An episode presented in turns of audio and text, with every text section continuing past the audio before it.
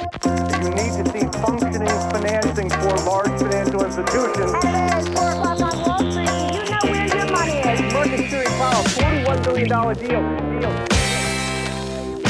Då är det dags för ytterligare en bonusepisod. Jag har med mig ett börsbolag idag som heter Green Landscaping.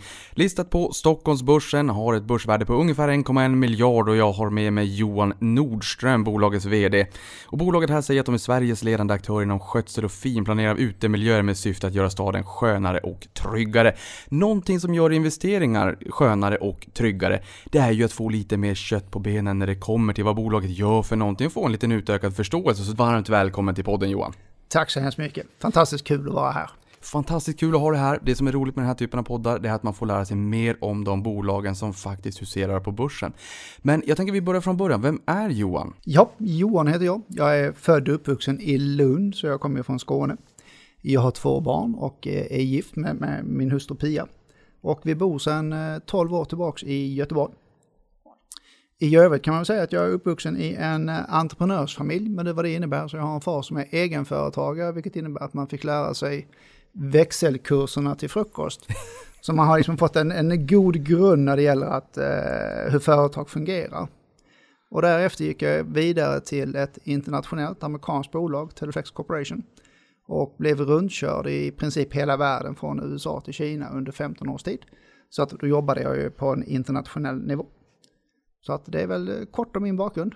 Och just det här med din far också, när man fick lära sig växelkursen och dess påverkan. Då hade vi en annan valutaregim också, 92 där. Men det här är ju någonting som verkligen ligger i tiden i och med den eh, penningpolitik vi bedriver nu och hur det påverkar valutan inte minst. Så det är ju verkligen en stor snackis. Så den kunskapen som din far gav dig lär du förmodligen ha väldigt mycket nytta av i dagsläget, även om ni är svenskbaserade. Nu är ju vi svenskbaserade, så jag har jobbat i andra bolag, alltså industriproducerande företag. Och det är klart att eh, då när man exporterar och även då har kostnader i olika valutor så blir ju den otroligt viktig för lönsamheten.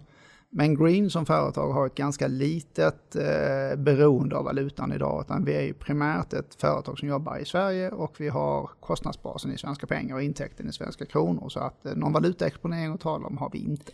Någonting annat som är trevligt, det är ju att ni har bytt lista. Och någonting som kanske gynnar er även om ni är svenskbaserade och inte är jättesårbara eller exponerade mot eh, utländska valutor. Det är kanske utlänningarna som tycker att svenska kronan är lite låg. Man tittar, hm, hm, här kommer Green in på Stockholmsbörsen, vad är det här för någonting? Och sen kanske man lyssnar på den här podden om man kan svenska. Ni bytte från First North där ni kom in i fjol till eh, Small Cap idag. Jag börjar med, hur, hur känns det? Ja, vi gör ju en fantastisk resa med bolaget så jag tycker det är jättekul. Och eh, bolaget som sådant bildades ju för tio år sedan genom en sammanslagning av fyra stycken företag. Och det var ju Private Equity ägt i grunden, så det var FSN Capital som ägde oss från början. Och sen har vi då gjort hela den här resan så att eh, jag tycker det är en otroligt spännande resa vi har gjort med företaget. Mm. Och därifrån så startar vi egentligen kring, eh, kring bolaget. Vad gör Green Landscaping för någonting? Det korta svaret är att vi, vi gör fint. Så vi, vi gör fint. Eh, och det innebär ju att vi tar hand om utemiljöerna primärt i våra städer. Så att vi är ju representerade egentligen i hela landet men vi har ett fokus på eh, Malmö, Göteborg, Stockholm-områdena. Och vi tar hand om gräsmattor, parker, lekplatser och allting som krävs för att göra en stad som folk kan trivas och bo i. Och vi har eh, utöver det här med att göra fint så har vi ju en, en syn på hållbarhet där vi även vill skapa miljöer som känns trygga och är trygga. Och vi vill också kunna bidra till integration i samhället. Så vi driver ju aktivt projekt där vi får folk i utanförskap att kunna komma in i eh, samhället som sådant. Så att vi har ju lyckats hyfsat bra nu på senare år att komma i kontakt med politiker. För det här har ju en ekonomisk betydelse. Så utan att gå in på, på någon politisk diskussion kring invandringen så har vi sett att det finns undersökningar som visar på att kostnaden per person för utanförskapet är någonstans mellan 5 och 10 miljoner per individ. Så att när vi sen sätter någon i arbete, då producerar vi en samhällsnytta på motsvarande belopp. Och det är klart att tar vi ett halvstort kommunalt projekt så kanske det är 10 miljoner på årsbasis. Om vi kan få in två eller tre stycken som är i utanförskap i sysselsättning, då har vi producerat en samhällsnytta på mellan 15 och 30 miljoner. Vilket är mångdubbelt större än kostnaden för att egentligen ta hand om parken. Så att här finns ju en fantastisk möjlighet, tycker jag, att använda skattepengarna på ett bättre sätt.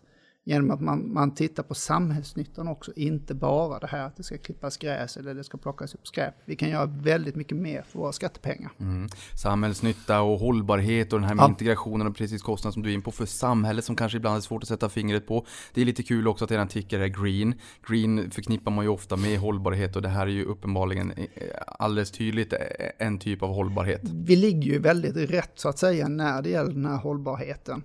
Och vi har även då en väldigt stark trend i våra städer att de växer, det flyttar in människor i, i städerna. Så att vi har ju en god tillväxt, men jag ser framförallt att hållbarhetskonceptet, det finns otroligt mycket mer vi kan göra där, så vi jobbar med olika initiativ där vi kan bidra på ett bättre sätt. Ni kom ju in på First North 21 mars i fjol. Sen dess har aktiekursen stigit 64% och sen har ni gjort ett ganska signifikant förvärv av Svensk Markservice i december i fjol. Eh, Jag tänkte egentligen komma in på förvärven och den strategin kanske lite senare i podden, men det som du gör det lite svårt för mig här eftersom att det här i så stor utsträckning faktiskt har förändrat bolaget Green Landscaping. Så jag undrar lite grann, hur ser bolaget ut idag i förhållande när ni kom in till börsen i, i mars i fjol? Att inte svara på din fråga direkt, men gå lite på sidan av att vår ambition är ju faktiskt att förändra branschen som helhet. Vi, vi vill ju förändra hur upphandlingarna går till och synen på hur det här ska fungera. Så att storleken blir ju väldigt betydelsefull i det här läget. Ja, och storleken är ju minst sagt stor. Ni har ju nästan fördubblat eh, bolaget. Ehm, Men är det någonting som är viktigt att känna till kring det här förvärvet nu? Jag menar, eh, största delarna, vi kommer gå igenom affärsområden och hur det ser ut. Är det någonting sånt som har förändrats eller är det liksom business as usual att grundstommen i, i Green Landscaping ser ungefär likadan ut efter att ni inkorporerar Svensk Markservice? Jag skulle säga att det är allra högsta grad, för det var ju två bolag som eh, i mångt och mycket gör samma sak. Det är grönet skötsel vi fokuserar på, vi finns i våra städer. Sen har ju Svensk Markservice en bättre geografisk spridning än vad Green Landscaping hade som var mer fokuserad på storstäderna. Men vi kompletterar varandra på ett väldigt fint sätt. Så att sen ska man ju integrera två stycken företag in i varandra.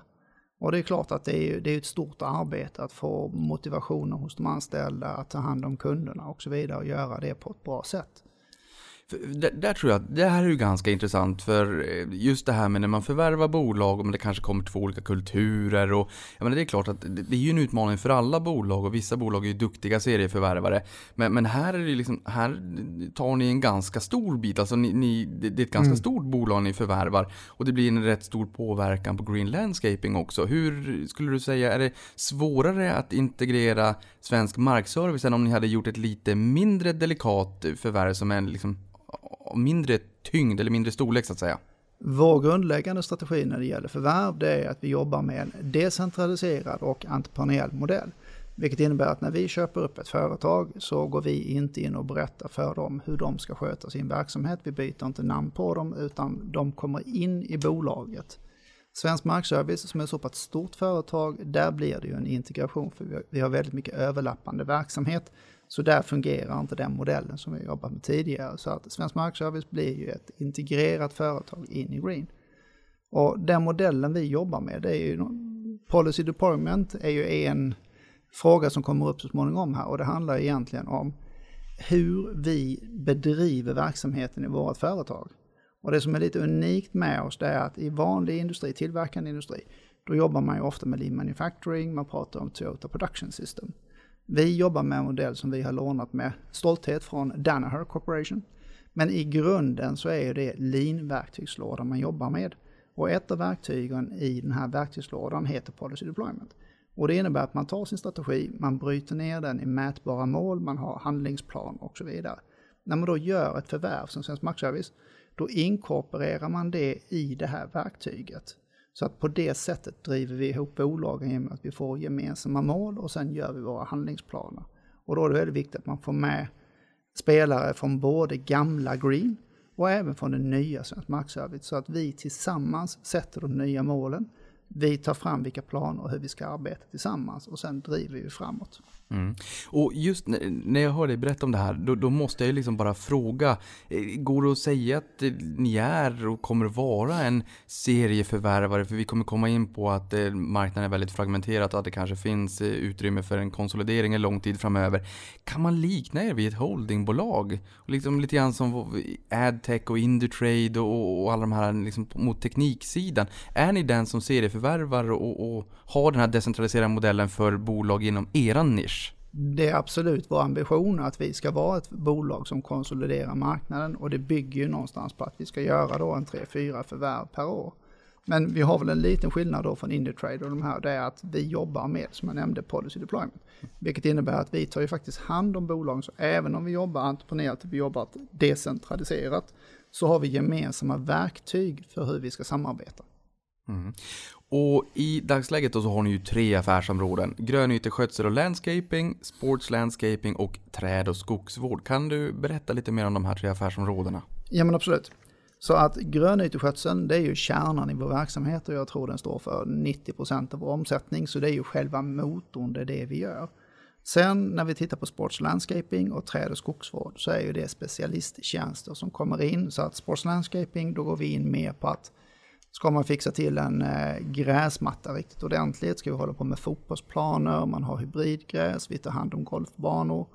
Och sen inom eh, skogsvård, ja men då har vi arboristtjänsterna där man då är specialiserad och fokuserad på träd och natur, stadsnära skog. Så att de kompletterar och stöttar upp kan man säga med ett större kunskapsinnehåll i, i, i grundutbudet Mm. Och dagens Green Landscaping, då, de, de här tre affärsområdena, de mm. ser likadana ut trots fjolårets stora förvärv. Då, så att säga. De inkorporeras i de här eh, affärsområdena. I allra högsta grad. I allra högsta grad. Eh, vilket affärsområde växer då snabbast och, och vilket är mest lönsamt? Eh, vi har en ganska god tillväxt i branschen som helhet så att branschen i våra städer växer med ungefär 5 procent. Vilket vi tycker är en god tillväxt i en mogen industri och det är en, en icke-cyklisk verksamhet. Så att kunna växa med 5% i den här typen av industri, det tycker vi är ett väldigt bra eh, det är en väldigt god tillväxt för oss helt enkelt. Mm. Någonting annat som jag tycker är intressant är att du tillträdde som VD 2015 och då ville ni se en omsättning över miljarden inom snar framtid. Eh, det gjorde ni, där är ni förbi. Mm. I fjol omsatte ni 1,18, nästan 1,2 miljarder då. Eh, och just grönyteskötsel och landscaping stod ju för, du sa nästan 90% här då mm. av intäkterna, alltså en, majoriteten följt av sports landscaping då och eh, träd och, och skogsvård. Eh, den här höga koncentrationen inom det, det, första segmentet, är det en möjlighet eller liksom är det en utmaning, ett hot? Hur, hur ser du på den balansen? Hur ska man tänka där som sparare? Tvärtom, vi tycker att den här grönyteskötseln, det är ju motorn i hela bolaget. Och i och med att vi då har en så pass bra penetration i Sverige som helhet så innebär det att vi har väldigt många kunder, vi har väldigt många kontaktytor ute, vi, fi, vi finns på väldigt många platser i vårt land. Så att, att ha den här grunden att stå på, det, det, är väldigt bra. Sen kan man då plocka in de här nischtjänsterna, specialisttjänsterna, när vi ser att det finns en möjlighet, vi har en kund som har ett problem som vi kan hjälpa till med. Nej, men då kan vi ju ta kontakt med Jackson som är vårt arboristbolag eller GML Sport som då håller på med fotbollsplaner och golf till exempelvis. Så att vi trivs väldigt bra med den modellen vi har. Att vi har en stor tung grönyteskötsel med långa avtal i botten. Och sen använder vi det för att eh, komplettera upp med specialisttjänsterna. Mm. Eh, och här i fjol som sagt 1,2 miljarder. Ni förväntas ju närmare kring 2 miljarder i år då efter eh, det här förvärvet mm. i fjol. Eh, och då undrar man ju självfallet så här, hur stora kan ni bli och hur stor är marknaden? Då har jag förstått att den totala marknaden i Sverige uppgick 2016 till 33 miljarder. Mm. Runt 60% av det är utlagt på extern part, så som mm. ni själva då. Så 20 miljarder. Yep. Ehm, och sen så säger ni att marknaden är väldigt fragmenterad också och att ni kommer att konsolidera den över tid. Hur stora kan ni bli? Jag menar 2 miljarder och 20 miljarder utlagt. Ni är ändå en ganska viktig spelare idag. Vi börjar bli en viktig spelare idag och sen tittar vi då på antalet bolag. Så det är ju en definitionsfråga då, och då ser vi att det finns kanske 6 000 spelare totalt i branschen. Men det finns ju ganska få företag som har över 100 miljoner i omsättning. Så det gör ju att det finns väldigt många småföretag som servar lokala kunder och även in på privatmarknaden, vilket vi egentligen inte är. Eller på konsumentmarknaden får jag väl säga. Vi, vi har ju en andel på den privata sidan, men då ska det vara lite större avtal. Vi är ju ett företag som egentligen är uppsatt rent organisatoriskt och kunskapsmässigt för att serva stora kommunala kunder och det är landsting och den här biten med egenkontroller och LOU, alltså den lagen om offentlig upphandling och långa avtal. Det är den världen vi så att säga lever i. Vi är inte så agila att vi kan serva konsumenter Nej, och ni har ju lite bostadsrättsföreningar som kunder, men det är ju en mm. liten del och här sa du ju precis vilka ni faktiskt då fokar på så att säga.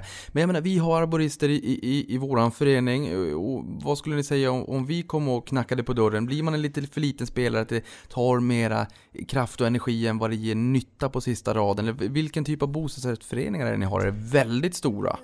De, de ska ju vara lite mm. större, men det är klart att nu tittar vi då på arboristtjänsten. Ja, men det är ju Jacksons trädvård som servar den och det ju ett signifikant mycket mindre bolag. Så att de är ju oerhört skickliga på träd och brinner för den nischen så att säga. Och de har ju då kapacitet och möjlighet att till större utsträckning serva privata marknaden eller konsumentmarknaden. Stora Green med, med de långa avtalen har inte den eh, profilen helt enkelt. Så det är svårt för oss att ta hand om mm, konsumentkunder. Det, det kostar för mycket tid som vi inte har. Nej, precis. Grönyteskötsel utgör ju 75% av adresserbara marknaden och där pratar du om att det är liksom bread and butter, det är mm. liksom den stora affären då. Landscaping 20% och så specialisttjänsterna som vi pratade om nyss har då 5%. Marknaden förväntas växa 4,7% om året under perioden 2017 till 2020. Mm. Storstäderna lite mer, 6-7% tack vare demografiska trender Tack ja, det, det är ju två saker som händer. Dels är det ju då att urbaniseringen, folk flyttar in till våra städer i allt större utsträckning. Och det, det, då ökar ju behovet av nya grönytor och nya lekplatser. Och även då vinterväghållning och den här biten som är ett kärt ämne i Stockholm. Men sen är det också det att kraven på våra grönytor, kraven på våra lekplatser har ju gått upp något alldeles fantastiskt. Nu tittar vi på en lekplats som byggdes för 15-20 år sedan och jämför med en lekplats som byggs idag så är det en helt annan kravprofil vi har på de här områdena. Vi använder också våra grönytor på ett helt annat sätt. Så det i sin tur driver ju kostnaden för det slits mer och det byggs mer och det byggs finare än vad det gjorde förr i tiden. Ja, och då kan man ju liksom, lite grann fundera kring hur er geografiska mix ser ut. För jag menar, tidigare fick känslan vid början här att ni var lite starkare på kanske de större städerna i Sverige. Mm. Sen med, med förvärvet då i fjol, då fick ni en liten ökad geografisk mix. Hur, hur ser den här mixen i Sverige ut? Vart i Sverige hittar vi er? Det är ju fortfarande primärt i storstäderna och eh, kommunerna runt våra större städer.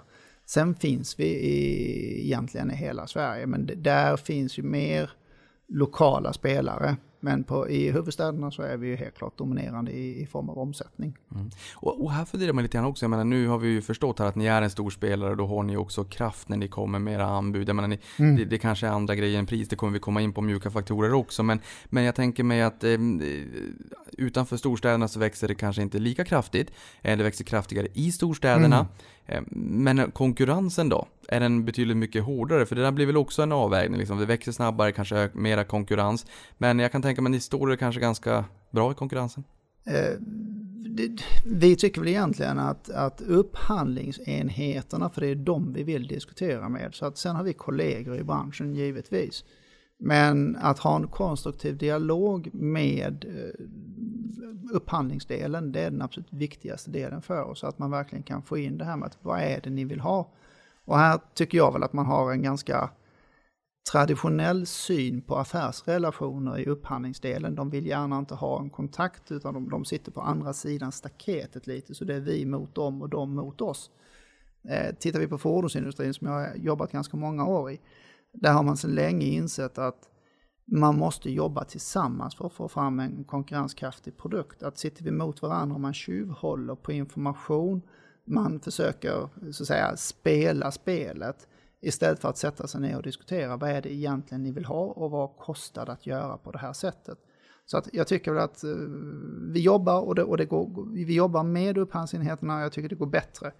Men det är fortfarande ett ganska stort inslag av det här traditionella att vi vill inte riktigt prata mer. Sen har vi kommit en bit på väg här, så vi försöker ju driva den här frågan vidare så att man kan sätta sig ner och verkligen skapa den här samhällsnyttan. Att kan vi plocka in folk i utanförskap? Vad är det ni vill ha egentligen så att ni verkligen får nytta för den kostnaden som, som det faktiskt är? Mm. Och det här är ju väldigt intressant just med de här, jag har förstått att det är ju liksom påverkansarbete också på mjuka faktorer och inte bara mm. på, på prisdelen. Och i, i, hur stor utsträckning tycker du att det är kommunerna? Man tittar liksom på snöröjning och, och, och eh, arboristerna med, med, eller liksom gräsklippning eller vad det än kan tänkas vara och säger att ja men här låg kostnaden i fjol, det vill vi pressa ner, vem mm. ger billigast pris? Kontra när man faktiskt då sätter sig ner och känner att okej okay, men hur kan vi lyfta hela det här området och hur kan vi få ut liksom så att 1 plus 1 målet faktiskt blir tre. Hur, hur går det här påverkansarbetet till och hur ser trenden ut i påverkansarbetet? Börjar man förstå vikten av det här mer och mer eller är det fortfarande lite grann som du säger att eh, man inte riktigt vill sätta sig ner? Ja, men vi startade ett projekt eh, för, för ett och ett halvt år sedan ungefär som vi kallar för Green Steps. Där vi just tar folk i utanförskap, vi ser till att man, man lär sig svenska, vi ger en yrkesutbildning och vi examinerar dem och de måste klara av olika krav för att kunna komma vidare och sen erbjuder vi en anställning. Och att komma in och bör, bara börja jobba i sig är ju ett arbete. Och då är ju våra projekt sträcker sig över tre år. Så att det är ju den modellen vi jobbar med. Och där har vi fått en väldigt positiv respons då från eh, lite högre upp på den kommunala sidan. Sen har det väl inte riktigt vittrat ner till upphandlingsenheten än.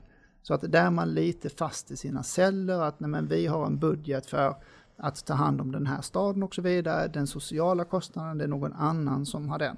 Så att vi måste komma in och kunna diskutera med någon som faktiskt kan fördela de här och inse att om vi plockar, kan ta in fyra, fem stycken, okej, okay, då, då innebär det att då sjunker ju kostnaden med x antal miljoner. Då måste man ju flytta den här kostnaden från en sektor inom den kommunala delen till en annan.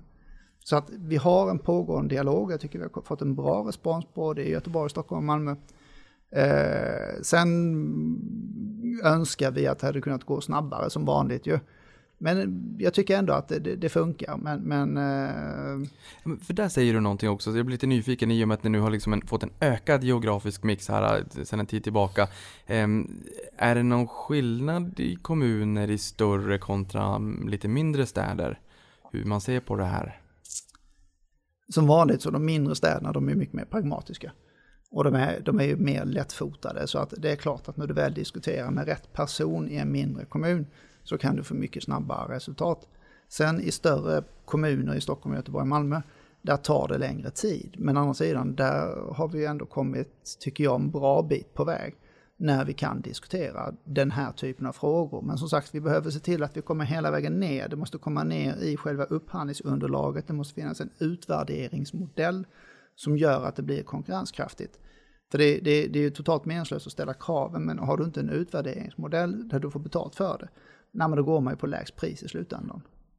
Och då är vi tillbaka till ruta ett. Ja, för där, där såg vi också just 4,7% tillväxt 2017 till 2020 i Utsocknes och, och 6 till 7% i storstäderna då. Hur, eh, har du någon känsla för visibiliteten efter 2020? Känns det, för nu 2017 är ju ett tag sedan.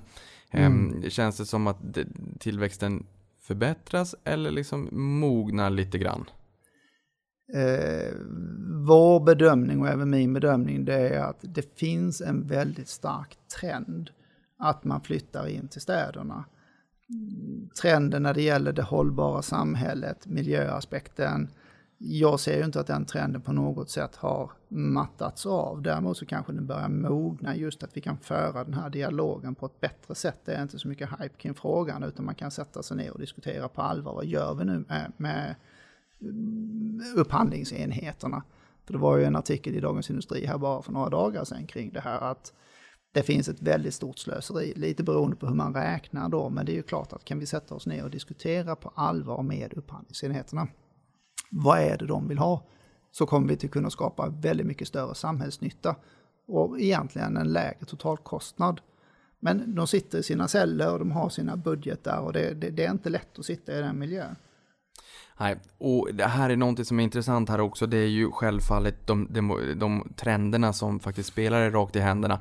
För någonstans tittar vi på räkenskaperna, då ser vi historiken, men, men det är också ganska intressant att se, inte vart vi har varit, utan vart vi är på väg. Mm. Och där pratar nu någon, ganska mycket i årsredovisningen också om den eh, stadsgröna vågen då som är påtaglig runt omkring oss. Jag menar, själv suttit i min bostadsrättsförening, den är ändå ganska stor. Där mm. har jag förstått att de här frågorna är väldigt viktiga för väldigt många. Inte minst minst med ökat byggande i Sverige då det blir också ett ökat krav på de här rekreationella grönområdena och sådär och de ska ju servas förmodligen och förhoppningsvis då av, av green landscaping. Men, men berätta ännu mer om trenden liksom, så att vi kan visualisera upp framför oss. Vart, vart, vart tar den här trenden oss om några år framåt? Det är ju väldigt svårt att, att, att sia om framtiden på det sättet. Så att vi tittar ju dels det som är unikt för Sverige och det är ju egentligen det här med utanförskapsfrågan. I Danmark så har man ju en annan vinkel på det här och där är man ju mer rädd för eh, dels att det kommer mer regn under kortare perioder och Danmark är ett ganska platt land så där tittar man ju på att hur ska vi göra, även Holland har ju de här problemen då med att eh, havsnivåerna kan slå in över eh, strandgränserna och på det sättet ställa till med problem. Så att där bygger man ju rätt mycket buffertzoner, man bygger olika typer av vallar för att kunna ta hand om det här. Så att det blir ju även den typen av utveckling. Och till det skulle jag tro den kommer i Sverige också, där vi inser att vi måste säkra våra städer. Mm. Någonting som man också säkert blir lite nyfiken på när man hör dig prata det är ju just hur eran koppling och sårbarhet kring nybyggnationen i Sverige ser ut. Jag menar det är ju väldigt mycket grönytor i dagsläget som, eh, som ska servas och du sa det, ni är runt mm. 6300 spelare om, om än vissa är betydligt mycket mindre än vad ni är självfallet. Men påverkas ni överhuvudtaget skulle du säga av den, den eh, lite lugnare, svalare takten i nybyggnationen i Sverige?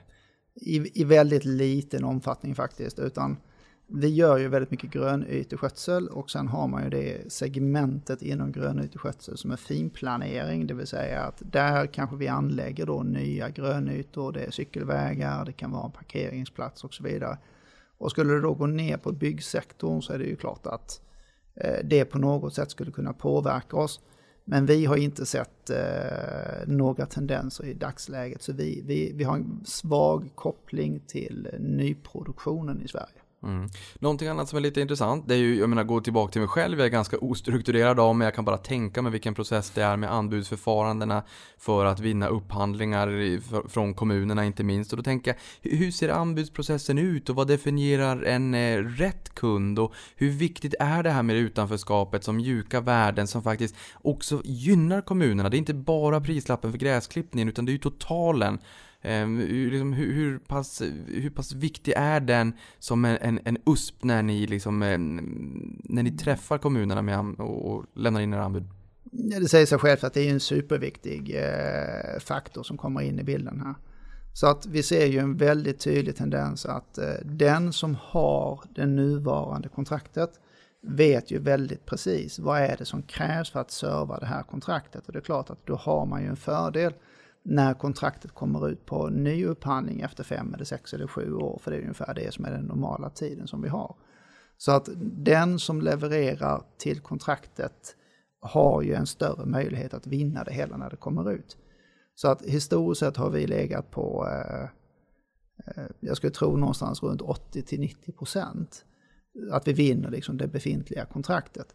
Och det är ett dubbeläggat svärd för det innebär att om jag vill komma in i ett, eller vi vill komma in i ett nytt område så har man ju ganska liten möjlighet. Hitraten är ju då 10-20% och oftast innebär det att man i så fall måste komma in på en prisbild, det vill säga du sänker priset på något sätt och då har du ju köpt dig marknadsandelar. Och då blir det väldigt svårt att få en lönsamhet i det kontraktet. Om man inte, som du kommer in på, att upphandlingsenheten börjar värdera annorlunda, att man vill föra in mjuka kriterier. En annan aspekt på den här biten, det är ju egentligen när man då tittar på förvärven att ha en väldigt hög organisk tillväxttakt i den här branschen. Det är ju då förknippat med att man är oftast aggressiv på prisbilden. Men när man då gör förvärv som sitter fast i väldigt långa avtal, då innebär det att du har en stor trygghet när du gör förvärven. För du köper ju faktiskt de gamla avtalen, du köper kundrelationen, du får med dig personalen som kan det, du får med dig maskinerna.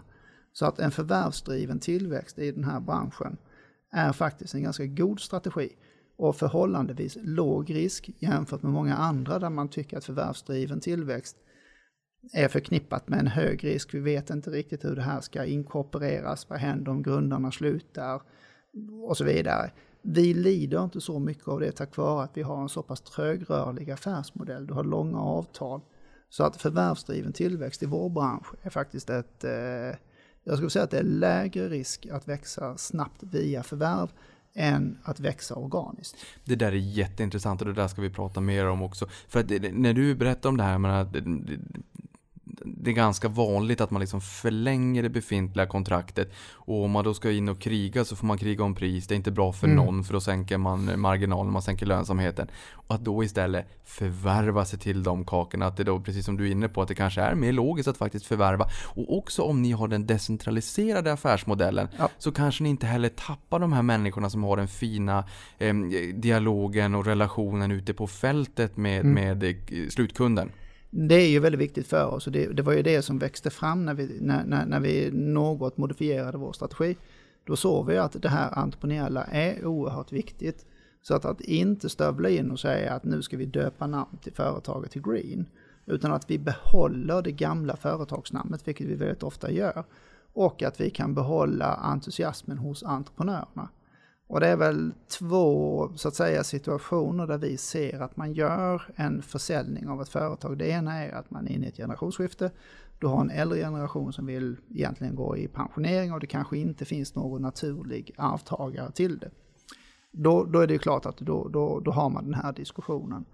Det vanligaste fallet är att vi har ett företag som mår bra, de sköter sitt jobb väldigt fint, men på något sätt har de insett att ja, men, jag har kommit lite till vägs ände, vad ska hända sen? Och då kommer man in i vår organisation som blir en del av en större organisation. Och där ser vi att vi har lyckats faktiskt att behålla de här entreprenörerna och de får en nytändning för nu kan de vara med på en resa. Så det är inte så mycket att de har sålt sina företag som att de har blivit delägare i ett större bolag. Så att det är en väldigt viktig faktor att få in de här affärsdrivande entreprenörerna, kunna ge dem en nytändning och på det sättet kan vi serva kunderna.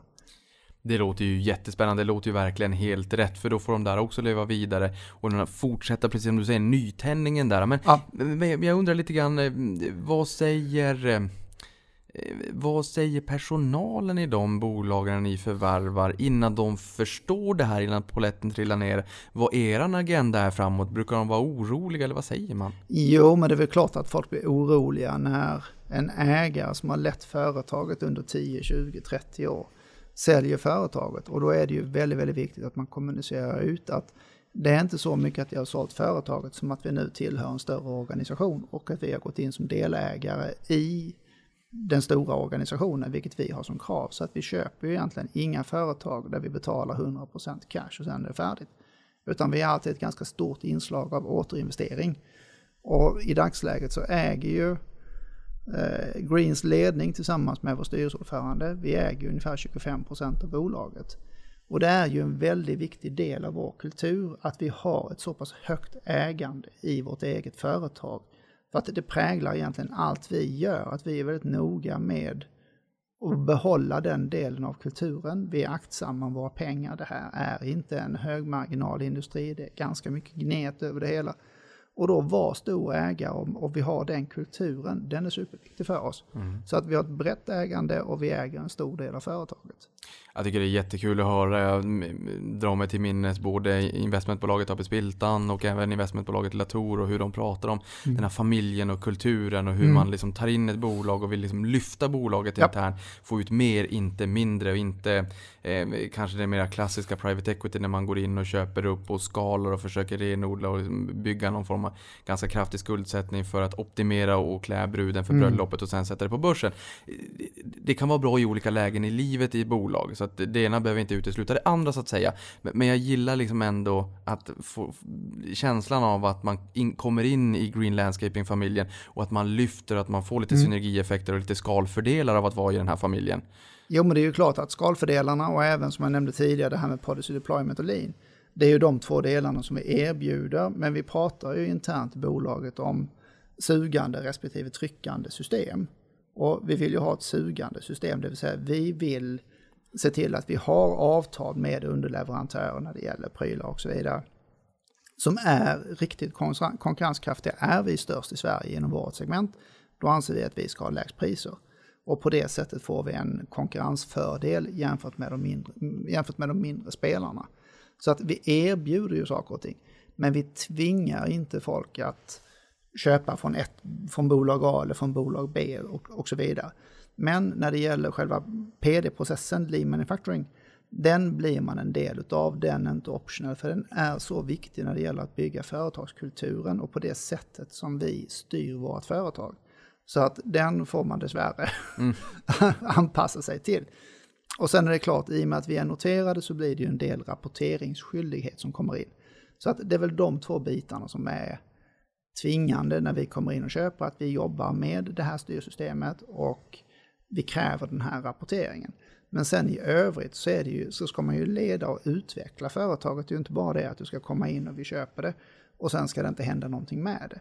Utan det är klart att vi jobbar väldigt aktivt, som du säger, att få den här nytändningen att bli bidragsgivare till andra enheter. Så när vi träffas på våra möten så har vi ju en regionstruktur. Så det innebär att då sitter det ju en fem, sex dotterbolags vd i varje region på mötet och utmanar varandra, diskuterar med varandra och de kan också hjälpa varandra i olika utmaningar man får. Så du får igång den här dynamiken. Och då sitter man inte ensam längre och går till jobbet och gör det man har gjort under de sista 20 åren. Utan du får igång en dynamik mellan de här entreprenörerna som är oerhört viktig. Ja, och just de entreprenörerna som leder de här bolagen när ni har förvärvat in i Green Landscaping-familjen. Jag tänker för en fråga jag har som jag tycker är otroligt viktig, det är just företagskulturen. Och hur spelar den an? Liksom, nu förvärvar ni in bolagen, man kan dra lite fördelar av er stora styrka, så att säga, som en stor spelare i Sverige. Men hur, hur spelar det an på och företagskulturen liksom, ute på fältet bland de, alla de, de, anställda så att säga. Hur märker man där att ni, att ni har kommit in och försöker lägga på er kultur när man ändå försöker ha den här decentraliserade hållningen? Ja, kulturen börjar vi ju, vi börjar ju bygga kulturen tack vare de här verktygen. Så det är ingenting som man egentligen bara kan driva ner eller driva ut, utan kulturen den, den, eh, den bygger vi tillsammans i företaget och där anser jag att det här med policy deployment och lean manufacturing det är ett, ett, så att säga, ett sätt att bygga företagskulturen. Så att när man har de här mötena och man konstaterar att ett av bolagen till exempel då inte når den målsättningen man har satt upp. Så istället för att börja skylla på folk eller så att säga lite elakt utmana dem så är vi väldigt noga med att ta reda på vad var grundorsaken till att vi inte nådde och det blir ju en del av det här verktyget då. Så att man är konstruktiv i sin diskussion. Och då är det verkligen att don't kill the messenger utan att man verkligen tar reda på vad var det som gick snett här. Så att det inte händer igen. Så att det är en väldigt viktig del när man bygger kulturen att det inte innebär att man eh, så att säga går till, till personangrepp eller någon har gjort ett dåligt jobb. Utan att man tar reda på vad var det som hände. Och det är ett sätt att bygga kulturen så småningom så att man får folk som inte är rädda för att sätta höga mål. Och de ska inte vara rädda för att diskutera eller konstruktivt utmana någon kollega. Utan det är vi som leder företaget. Ja, så istället för att leta syndabockar så hjälper man varandra att lyfta sig till nya höjder helt enkelt. Det var en bra sammanfattning. Jag vet också, Industrikonglomeratet Volatis ordförande Patrik Wallén skickade med en fråga på Twitter där han sa att hälsa Johan att han gjorde ett väldigt starkt intryck på mig. Inte minst med hans sätt att arbeta med policy deployment. Det har vi varit in på nu här och pratat lite mm. grann om. Men, men ändå, liksom, om man inte riktigt har förstått det helt och hållet. Vad innebär policy deployment grundläggande och hur, nu, nu har du redan varit in på det, men liksom mm. kortversionen då och hur ni då arbetar på det, enkom isolerat policy deployment här. Mm, hälsa till, till Velato och tacka för frågan, för det är mm. någonting som ligger mig väldigt varmt om hjärtat. Eh, och det är att när man jobbar med de här systemen och de, Toyota Production System och liknande system är ju mer kända.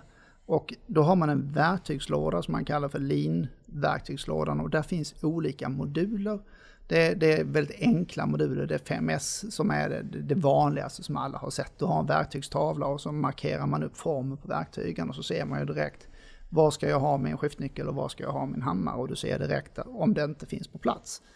Och därmed behöver du inte lägga ner någon tid på att leta efter det här specifika verktyget. Så i slutändan handlar hela Lean-verktygslådan om att öka kundnyttan genom att plocka bort verksamhet som kunden inte är beredd att betala för. Ja. Det är liksom grundmodellen i det man arbetar med. Ett av de här verktygen heter Policy Deployment och det innebär att man tar sin strategi, man bryter ner strategin i mätbara mål, man bryter ner målen per månad och sen har man då aktivitetsplaner för att nå sina mål. Och sen träffas man en gång i månaden och går igenom hur ligger jag till och hela det här paketet och vad är det som gick snett i planen. Så det är väl i grunden liksom kortversionen av eh, policy deployment.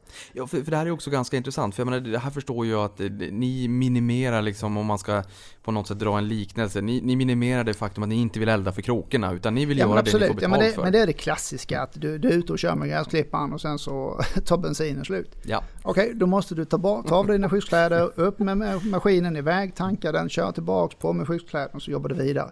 Ja men då, då, då har vi en strukturerad process som innebär att ja, men då tankar vi varje fredag eftermiddag så tvättar vi, vi tankar, vi kollar att allting funkar, vi kollar att bilarna är hela och rena och att de anställda är hela och rena.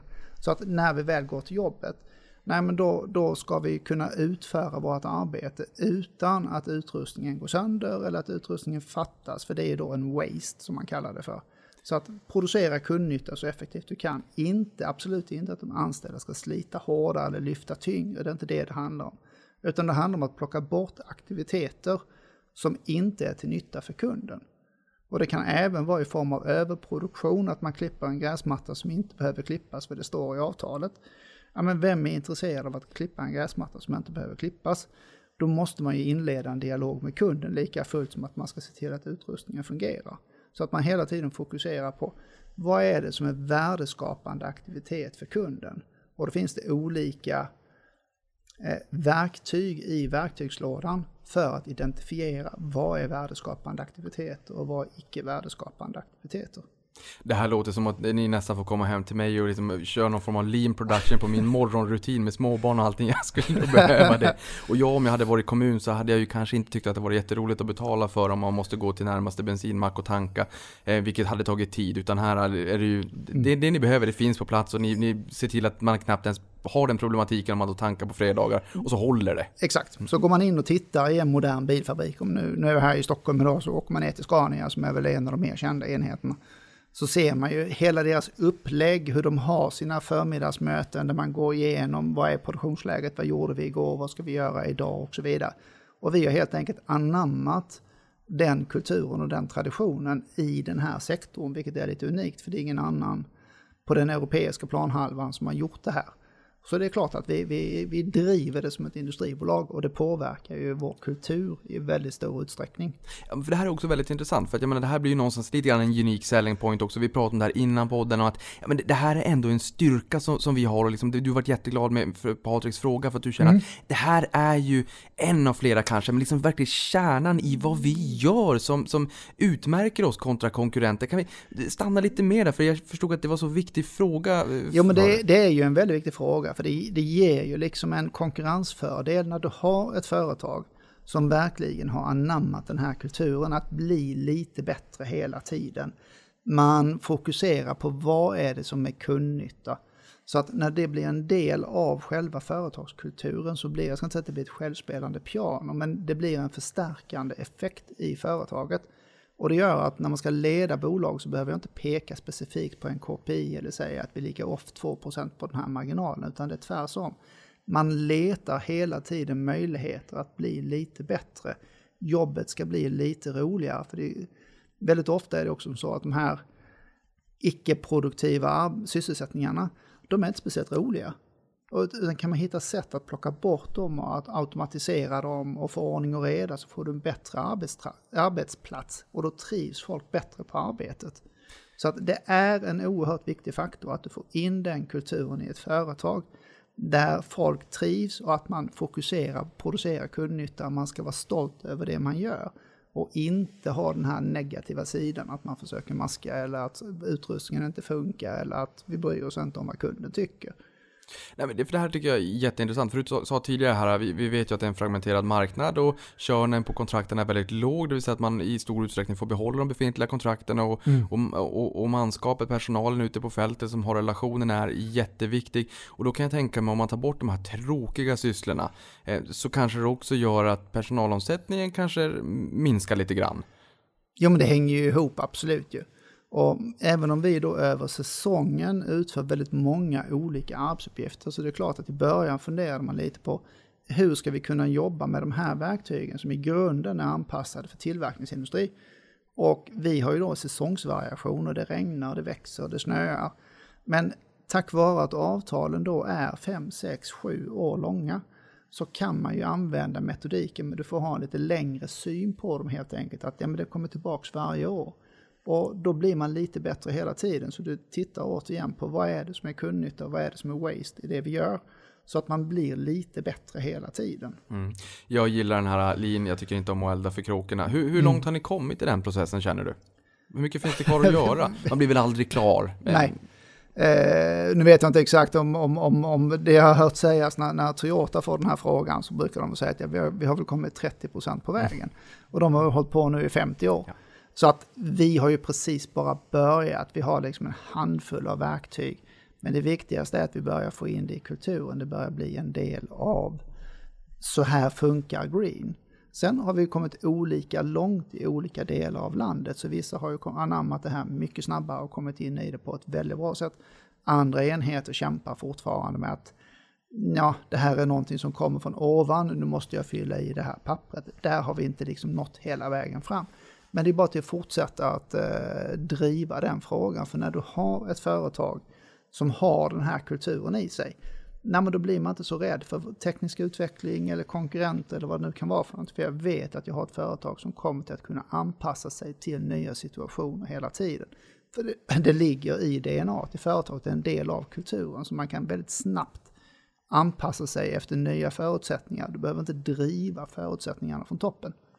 Någonting annat vi har varit in på här för en liten stund sedan det är ju ägarbilden. Vi kommer komma in på det lite mer i slutet. Men jag, liksom, jag hoppar in på det lite mm. snabbt nu bara när det kommer till personalen. För jag kan tänka mig, ni kom in 21 mars i fjol. Det är lite kul att ni är börsnoterade. För då kan ju också personalen köpa lite aktier om de vill. Ja. Jag menar, tror du att en, en, en, stor del, nu har det bara varit ett år, det kanske tar lite längre tid för, för, för majoriteten av de anställda.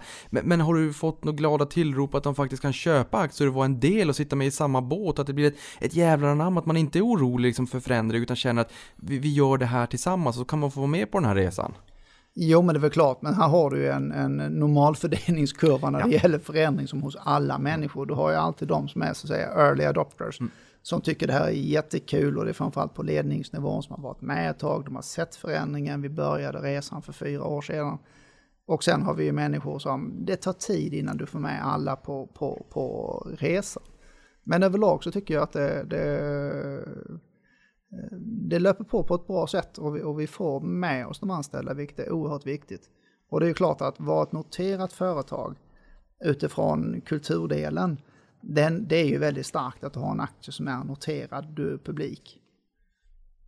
Någonting annat som är intressant, det är också när ni köper bolag. Ehm, så du sa ju här att delvis så är det ibland ehm, successionsordning, alltså när, när det inte finns någon naturlig arvtagare av företaget eh, och då kommer ni in som köpare där samtidigt som det inte sällan är viktigt att personalen, man kanske har byggt det här företaget under många årtionden, man vill liksom att personalen ska få vara intakt och inte bli av med jobben och sådär. Påverkar det här prislappen. För det, menar, det gör det för många andra bolag. Just att ja, men, ni är rätt köpare, kanske någon tycker. Liksom. Mm. Ni är mm. verkligen rätt köpare. Ni tar den här långsiktiga approachen. Då är pris inte så viktigt på marginalen. Eh, utan att det blir viktigt att, att eh, ja, men personalen och framtiden, successionen i bolaget sådär. Det, så som vi resonerar när vi hamnar i de här diskussionerna så är det ju just återinvesteringsdelen, att de är med på resan som är väldigt, väldigt viktigt. Och då har vi lite plockat bort det här att om det är en cash deal och, och du kan liksom jämföra anbuden fullt ut. Nej men då klart, då är det ju pengarna det handlar om i slutändan. Men vi har ännu inte förvärvat ett företag där det var 100% cash, förutom Svensk Markservice. Men det var en annan situation i och med att de ägde som Nalka. Men när vi tittar på mindre entreprenörledda företag så är ju allihopa affärerna så som vi konstruerar dem, det vill säga du har en ganska stor återinvesteringsandel. Vi pratar om, historiskt sett har vi legat på ungefär 30% av köpeskillingen som är en återinvesteringsdel. Så att det, där skapar ju vi incitament för att det bolaget vi förvärvar ska frodas och utvecklas inom ramen för Green Landscaping. Och i och med att en stor andel av köpeskillingen då blir aktier i Green så är det ju klart man är intresserad av framgången för koncernen som helhet. Så du får ju en buy-in på det sättet. Det är också så att innan vi går in och tar över företagen så har vi en dialog med grundaren där vi eh, starkt rekommenderar att de delar med sig av ägandet innan vi går in och tar över. Så att du har en grundare som äger kanske 100% av företaget och sen får de då sälja av delar till nyckelspelare, alltså till de viktiga individerna i deras företag så att de äger aktier och sen köper vi de aktierna. På det sättet får jag också med mig nyckelspelarna i de förvärvade företagen och på det sättet säkerställer vi att de får en bra resa i framtiden. Ja men det låter ju alldeles underbart och det säkrar väl också så gott som just successionen att det faktiskt fortsätter så att det inte stannar av när ni köper utan då finns det incitament för de nyckelpersoner som finns i bolaget att fortsätta prestera och, fort och lyftas upp till den här högre nivån inom organisationen som vi pratade om. Ja och du får ju med deras eh, så att säga commitment, det blir det engelska här men att de är ju delägare i företaget de är med på resan precis som grundaren var med på resan i företaget. Och vi gillar ju den här så att säga kulturen vi har där vi är stora ägare av företaget. Vi betraktar ju Green till stora delar som vårt eget bolag. Ja. Även om vi då bara äger 25 procent, vilket innebär att vi har 75 procent ute på marknaden. Men det är en så stor ägardel och den är väldigt viktig för oss att behålla det som en, som en del av vår företagskultur. Mm. Att vi är ägare till vårt eget företag och vi fattar beslut utifrån vad som är bra för bolaget och bra för oss som ägare. Även om 25 är mindre än 75 så 25 är ju ganska mycket om man tittar på börsen som helhet. Det finns herrelösa bolag också. Jag tror att det är både jag och väldigt många mm. som uppskattar att det finns den här ägarbilden. Att man ser att ni sitter med i samma båt. Och att man har de incitamenten att faktiskt göra allt. Vi, vi gillar den modellen och det, det, det blir kanske lite låg nivå på diskussionen. Men när du sitter och gör en budget och du har ett tjänstemannastyrt företag. Na, men för någon investering i en lastbil så ska någon annan göra det också för det ska finnas någon form av rättvisa i det här. När du har ett ägarlett företag så blir det där ganska ointressant utan om någon behöver två lastbilar eller tre, ja, då, då ska ju den personen göra det för det är ju det som ger den bästa avkastningen. Medan någon annan kanske inte har det, eh, den affärsmöjligheten just nu nej, men då står ju de frivilligt tillbaka och säger att nej, men vi, har, vi har gjort det för ett eller två eller tre år sedan. Vi behöver inte göra det nu, utan det är bättre att vi, vi låter de här enheterna som har bra affärsmöjligheter just nu, då är det där vi ska lägga våra pengar. Istället för att det ska finnas ett rättvisetänk eller någonting liknande. Så att det är ju den här ägardelen som är viktig i företaget inte så mycket internpolitik. Jag, jag tycker inte att det är liksom på en låg nivå utan jag tycker nästan att det är styrmoderligt behandlat den diskussionen att hur viktig den typen av ägarledd eh, mindset i ett bolag faktiskt är för långsiktig success. Jag är helt såld mm. på det. Mm. Finns det någon, för vi har pratat om affärsområden och så, finns det någon annan vertikal ni skulle känna att jo, men det här hade nog ändå varit lite trevligt för att komplettera befintliga segment going forward? Är det något som ni har i era kikare som ni kan dela med er av? Eller är de här tre vi har pratat Nej, om? Nej, vi, vi, tittar, vi tittar tittar ju på om man ska gå in. Det finns klottersanering, det kan finnas ishallar, det kan finnas lite mer facility eh, och så vidare. Men vi ser ju att vi kan ju fortsatt penetrera marknaden där vi redan finns. Vi ser också att vi kan fortsätta med en geografisk expansion i Sverige. Eh, och med det menar jag egentligen att om vi är starka i, i, i ett specifikt geografiskt område så är det att föredra att expandera det in i nästa stad mm. än att du hoppar 20 mil emellan för då sitter du med en liten hubb och då är du mycket mer sårbar. Så att, att, att gradvis kunna expandera geografin, den ser ju vi som eh, en väldigt trevlig strategi och gärna då via förvärv. Sen kan man ju tänka sig att vi börjar titta på utlandet. Och det gör vi ju så smått då, att vi, vi i första hand så tittar vi på Skandinavien och ser om det finns någonting där. Men det är klart att vi vill ju inte gå in för litet och det måste finnas att vi kan göra två eller tre följdförvärv så vi kan få en kritisk massa. Så att det är inte bara att köpa första bästa företag utan när vi väl går in i något av våra nordiska grannländer eller någonstans i Europa så vill vi ju se att vi kan göra det med en hyfsad hastighet och bygga upp en substantiell verksamhet så vi inte går in för litet och sen fastnar i, i ett bolag som kanske inte blir så bra. Känner du någonstans att finns det kanske är svårt att säga i och för sig, ni är ju trots allt börsnoterade, men, men, men finns det någon tanke hos er när ni skulle vilja gå in till, till någon av våra nordiska länder, eller är det liksom när läget dyker upp och förutsättningarna är de rätta, eller finns det någon liksom plan i, bakom kulissen att ni skulle vilja ge er in i något land i närtid eller om några år? Nu har det ju gått ganska snabbt för oss ja. i och med att vi, vi, vi växte ju i fjol med 48 procent och sen förvärvade Tjänst Markservice. Så att vi har ju ganska, på kort tid har vi ju kommit upp på, på en väldigt fin massa och det är klart att Svensk Markservice fanns ju på radarn när vi gjorde vår introduktion i fjol för ett år sedan. Men man kunde ju inte säga så mycket och det är klart det ägdes som Nalka så att vi visste ju inte riktigt hur det skulle gå. Men sen när vi inledde en dialog kring förvärvet av Svensk Markservice så såg vi ju ganska snabbt att ja, men vi är ju en naturlig tagare. Här finns en del synergier och lite annat smått och gott. Så att vi satsade ju ganska hårt på, den på det förvärvet och det är klart att det blev ju mycket pengar om vi säger så, men det var ett väldigt stort företag. Så att vi anser absolut att det var värt det. Eh, hur ser prislapparna där ute då när ni köper bolag? Eh, I Sverige och sen så mm. kan vi väl gå vidare till, till, till Norden sen också. Men hur ser prislapparna ut i Sverige nu? Jag menar, vi, vi har ändå förstått att konsolidering is the way forward. Så, så att är det liksom dyrt eller är det billigt eller får man cherrypicka? Ja, vi tycker väl att uh, allting är för dyrt. Ja, det, det, är bra. Det är bra för de som lyssnar på det här aktieägare.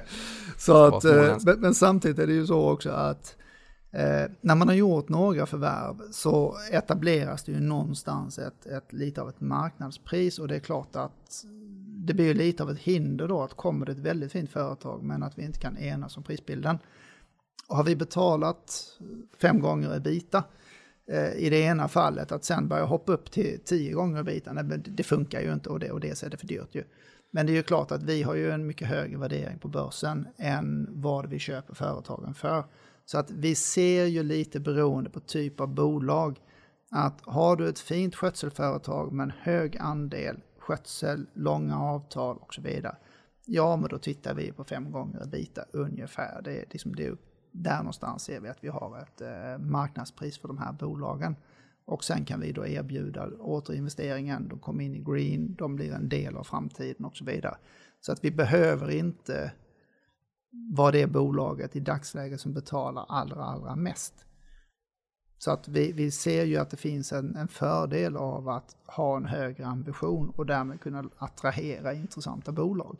Men kan man också säga att ni får någon form av substansrabatt på de köpen ni gör indirekt filosofiskt i termer av att ni som så pass stor spelare ändå i princip 10% av, av adresserbar marknad i Sverige eh, kan hitta synergier, speciellt om det är kanske grannstäder runt omkring, storstäder, mm. mindre städer där ni redan har verksamhet.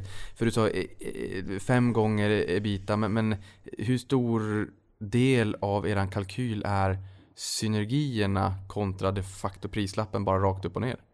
Det är ju klart att synergierna finns där. Eh, och väldigt ofta när vi har en diskussion med en entreprenör så tror ju de att de har de absolut effektivaste priserna som finns. Och skulle de mot förmodan ha det så är det bara tacksamt för det innebär att då kan jag reducera mina kostnader på en mycket större kostnadsbas. Så att synergin är ju en del av vår kalkyl. Men man ska inte stirra sig blind på, på den typen av synergi utan det handlar mer om att få den här nytändningen i bolaget, att de kan vara med på det här hållbara samhället, att de kan vara med på Green Steps, att man kan börja föra den diskussionen. För den typen av eh, åtgärder, det har man inte muskler att driva som ett mindre företag. Om du är ett företag som omsätter kanske 50 upp till 100 miljoner, Nej, men då är man ju väldigt fokuserad på att leverera till de kunderna man har. Man orkar inte åka till Stockholm och prata med politiker och så vidare. Tack vare vår massa och vår spridning så kan vi föra en dialog på den nivån. Och det är ju någonting som jag ser att många av företagen som kommer in i gruppen ser att ja, men det där är någonting, samhället är på väg någonstans och de vill vara med på den resan och de klarar inte av att vara med på den ensamma utan de ser att någonstans så har vi ett Vi har ju ett tryck när det gäller lågkostnadsproduktion, det vill säga det kommer folk från Polen och från Baltikum och jobbar i, i grunden för lägre löner. Och det är klart att det slår ju väldigt hårt på en mindre spelare som har en svensk kostnadsmassa. Men om de kommer med i Green och blir en del av vår grupp och vi lyckas diskutera med våra upphandlare kring vad är samhällsnytta, hur kan du få in de här mjuka värderingarna i upphandlingarna. Ja, men då har ju de en, en, en annan typ av framtid tillsammans med oss. Så att jag ser ju att den här prispressen, det är klart att den drabbar oss, men den drabbar ju de mindre spelarna i mycket större utsträckning. Vilket kanske också gör att eh, man gärna vill bli en del av Green, green Landscaping-familjen helt enkelt. Ja, vi har någonting att erbjuda, vilket ja. är väldigt viktigt, inte bara pengar. Nej. Att jag är gammal, jag vill pensionera mig, jag vill göra någonting annat. Det är inte så förvärven fungerar. Vi, vi har nog inte gjort något förvärv på det sättet, utan det har varit mycket mer på att de blir en del av en framgångsresa.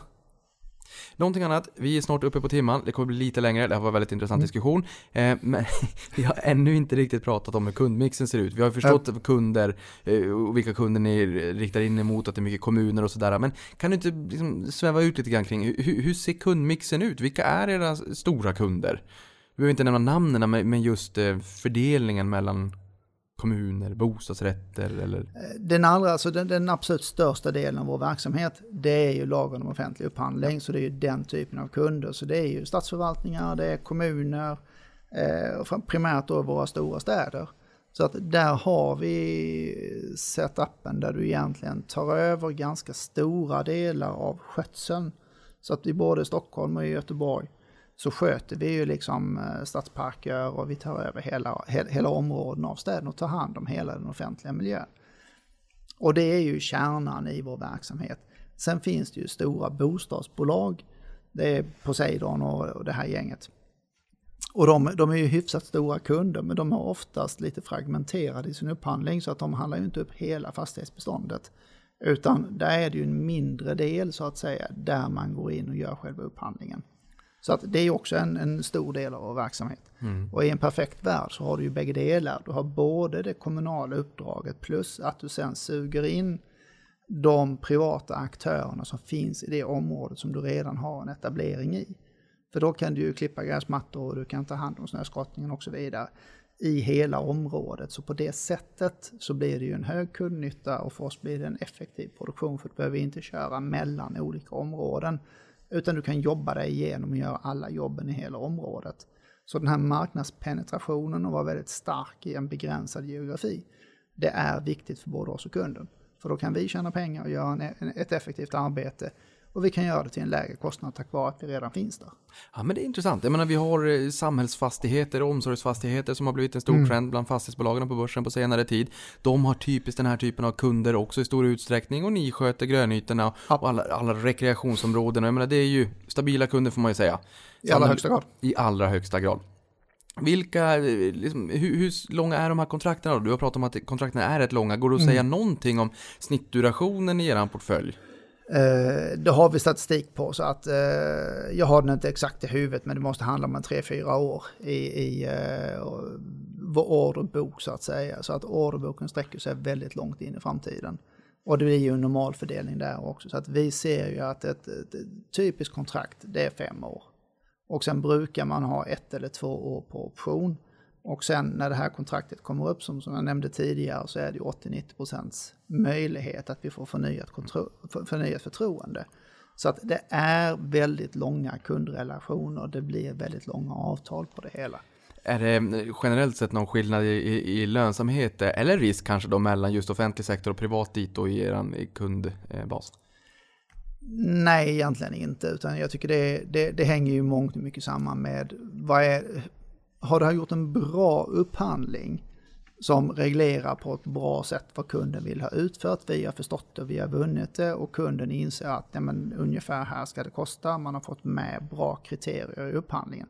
Då har vi som regel en bra samsyn med, med oss och kunden. Vad är det som ska levereras? Så att jag ser ingen signifikant skillnad i, i eh, lönsamhetsdelen. Tittar vi sen på den privata sektorn så är ju inte kontrakten lika långa utan de har man gjort en upphandling kanske på ett år. Men man har en tendens att fortsätta år efter år. Så att så länge relationen fungerar och de tycker att vi levererar värde, då får du fortsatt förtroende. Det är inte så att man går ut och handlar upp det här var tredje år för man tycker det är kul. Utan den privata sidan, jag har ingen exakt statistik här, men jag skulle tro att den är nästan längre än den offentliga sidan. Eh, du sa ju här tidigare också att det är en två, tre spelare, konkurrenter på, på landsnivå i Sverige då. Mm. Och sen en fyra, fem kanske då på regional nivå. Vilka är era största konkurrenter? Eh, nu efter förvärvet av Svensk Markservice så är ju vi egentligen den enda rikstäckande spelaren. Och sen finns det ju olika spelare i, i eh, beroende på vilken stad du befinner dig i. På grönyteskötseldelen så har vi ju egentligen inga stora konkurrenter kvar utan då är det ju mindre bolag. Sen finns det andra bolag som är större. Eh, och givetvis så har vi de stora byggarna som till del också är inne i vårt segment när vi tittar på Peab och NCC. Men som renodlad aktör inom grönyteskötsel i den här storleken så skulle jag säga att vi är ganska ensamma idag. Sen finns det som sagt andra halvstora företag som eh, har ett ganska stort inslag av vad vi kallar för anläggning och en mindre del på skötsel, för de här bitarna hänger samman. För väldigt ofta när du bygger ett nytt område så kanske du ska anlägga en gräsmatta och du ska göra din lekplats och du bygger husen och alltihopa till. Då har man ju en garantiskötsel som kickar in under ett eller två eller tre år. Och därefter går det över i ett skötselavtal. Så att då kan ju de, även de fortsätta med skötseldelen. Du, någonting annat som jag tänker också på, som vi var in på alldeles nyss här, det är ju om ni då skulle eh, expandera utanför Sveriges gränser. Ehm, hur ser prislapparna generellt sett ut i, i runt om i Norden kontra Sverige? Är det eh, generellt högre eller lägre värdering och finns det något land som, som lägger eh, mycket fokus på, på det här. Liksom någon som lägger, om Finland sticker ut för att de verkligen lägger mycket pengar på grönyteskötsel och, och danskarna gör det inte eller vice versa. Ja, vi tittar ju på mognadsgraden så att vi, vi har inte gått in i någon specifik prisbild i dagsläget så den kan vi inte riktigt uttala oss om. Eh, nu tror jag inte det finns någon enorm skillnad i pris egentligen. Jag skulle bli förvånad om det vore så. Eh, men enligt vårt sätt att se på det så skulle vi säga att den danska marknaden påminner i, i stort om den svenska. Det kan till och med vara så att den är ännu mer mogen. Det vill säga att man har en ännu större andel outsourcing om man är duktigare i sin upphandling. Medan Finland, där sker det ganska mycket fortfarande i kommunal eller statlig regi. Så att de har ju en mindre andel outsourcing och, då, och därmed sagt att de inte är riktigt lika mogna, tycker vi då, som eh, Sverige och Danmark. Men eh, Danmark och Sverige är väl de två länderna som har kommit längst i det här. Norge också är intressant, eh, har en hel del privata aktörer. Men också ett väldigt stort inslag av snöröjning på vintern, vilket är en lite annorlunda business. Och de kombinerar, kombinerar ofta grönyteskötseln med ett stort inslag av eh, snöröjning och halkbekämpning på vintern. Mm. Någonting annat som är intressant det är ju eh, intäktsmodellen. Ni säger att ni primärt har två olika prissättningsmodeller då bestående av kontraktavgifter mm. eh, respektive merförsäljning och projektbaserade intäkter. Kan du utveckla det lite grann? Ja men absolut. Eh, jag trodde väl från början att det här med äta var ett sätt att nästan lura kunder. Men det är absolut inte det det handlar om, utan det det handlar om det är att det man kan förutse och det som är bekant, det försöker man bygga in i ett fast prisavtal. Och sen har man en, en vad man kallar för en apprislista där man kommer överens om timpriser och så vidare för olika typer av arbetsmoment. Och så vet man att ja, men det är inte varje år det här inträffar eller om jag ska göra något specifikt. Nej, men då, då lägger man en specifik beställning och då vet man ju redan kostnadsläget i och med att det finns en apprislista att falla tillbaks på. Så att det är egentligen ett fullt naturligt mm, system att man kanske lägger in 60, 70, 80 procent av sin budgeterade kostnad. Det blir på den fasta delen, den kan vi och det, det är någonting vi ska utföra. Och sen har man en del av sin budget som då är till för olika satsningar. Man vet inte specifikt om det är en lekplats eller om det är en fotbollsplan eller vad det är man ska renovera upp. Men man har pengar i sin budget. Och väldigt många av våra kunder är ju budgetkopplade och det innebär att så som jag uppfattar att kunderna ser på det så är det att de har fått ett förtroende att de ska sköta ett ytterområde. Och för det har de fått, låt oss säga 10 miljoner. Och då vill man ju spendera de här pengarna för det är ju en del av det uppdraget man har så det finns ju inte ett incitament att göra med 8 miljoner för då har de egentligen underpresterat Så det är ett lite annat sätt att tänka än för oss som kommer på den privata sidan där man Ja. tycker att ja, men, om jag kan göra det för 8 miljoner så är det jättebra. Men det är inte det det handlar om, utan det det handlar om det är att de har fått ett förtroende och då ska man ta hand om ytterområdena och då anser man att det ska investeras 10 miljoner. Och då vill man ju ha så bra grönytor och så bra skötsel för pengarna som möjligt. Så att därför har du en fast andel som är känd och sen har man den här rörliga delen som man då kan lägga ner på vad är det som krävs i år. Det kan också vara så att snöröjningen eller något liknande drar iväg och kostar lite mer pengar. Ja, men då blir det mindre pengar över till annat. Så att vår intäktsmodell är egentligen väldigt stabil. Vi vet hur majoriteten av våra kunder, hur mycket spänd eller hur mycket pengar de kan lägga ner under ett år på det här området.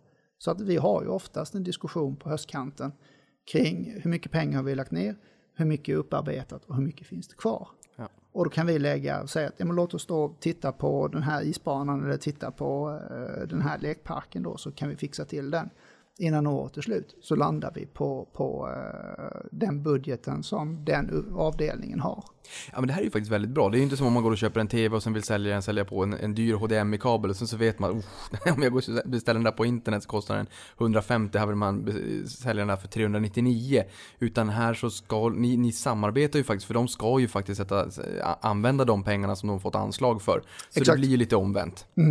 Och det är ju också då, därför har man den här apprislistan. Och det blir ju en del av upphandlingen. Så att det är ju en del av utvärderingen redan från början. Så att du har fastprisdelen och sen så har vi apprislistan och sen så jobbar man tillsammans med kunden då under varje år. Så man kan ju säga att en rätt stor del av era intäkter ändå får anses vara både konjunkturstabila men även repetitiva ju. Ja men det är de ju. Så även om det, det bara ingår 60 eller 70 procent av det fasta avtalet så vet vi att kunden kommer fortfarande oftast att ha, om det nu inte blir att man börjar minska budgetarna. Men det är inte så vanligt. Någonting annat jag tänker på, det är ju kring förvärven här. Ehm, är- det liksom, jag tänker lite grann förvärvsstrategin. Är- är- Vi har ju varit in på det lite grann, men, men är tanken att förvärva bolag med redan god lönsamhet från dag ett och, och kanske då lite högre prislapp? Eller kan det vara lite intressant att köpa bolag med, med lite svagare lönsamhet, kanske en, en, en eh, green landscaping i stort, men där ni känner att det här får vi ju upp lönsamheten när de kommer in i den här familjen för att vi har liksom den styrkan i, i gemenskapen att faktiskt eh, effektivisera en hel del. Eh, Grins historia har varit lite krokig då så att vi har ju både risat och rosat marknaden kan man säga. Och det gör väl att eh, vår styrelse är väl eh, något försiktig med att köpa företag som då inte uppvisar en god lönsamhet. Så att primärt så vill vi ju köpa företag som, eh, eller förvärva bolag som uppvisar en god lönsamhet och du har nöjda kunder. Men det är klart att det finns ju några bolag där ute som vi för en dialog med där vi då har en eh, mer, som har en mer utmanande ekonomisk situation. Och ska vi genomföra den typen av förvärv, då måste vi göra någonting annorlunda. Då kan vi inte lämna dem som stand alone och tro att nu ska de helt plötsligt börja gå bättre bara för att de kommer in hos oss. Så att det bygger ju i så fall på att man gör en integration så att man verkligen kan få ner kostnaden och få upp effektiviteten i leveransmodellen. Så att det är väl inte det primära vi tittar på, men det är något företag vi för dialog med. Men det bygger ju givetvis på att det företaget befinner sig på en ort där vi redan finns och är hyfsat starka så att vi kan ta hand om det här. Ja, egentligen ta hand om kundkontrakten och sen eh, integrera det, det förvärvade bolaget med bristande lönsamhet. Ja, för här såg vi i fjol så landade ebitda-marginalen på 5,1% samtidigt så svällde ju orderstocken väldigt mycket, då 109% till nästan 3,9 miljarder. Det är Mm. ju mångt och mycket då tack vare Förvärvet. delvis förvärvet då så att säga, Svensk Markservice där i december. Ehm, de hade en, en eh, justerad ebitda-marginal på 3% men eh, sen pratade ni också om att ni förväntar er en del synergier, jag tror att det var i storleksordningen 25-27 miljoner någonting. Där kan du bättre än mig. När når ni målet på, på ebitda-marginal eh, om 8 procent? Eh, det där är ju en målsättning på medellång sikt, vilket innebär att det är ju en 3-4 år och det är ju det vi har kommunicerat till marknaden.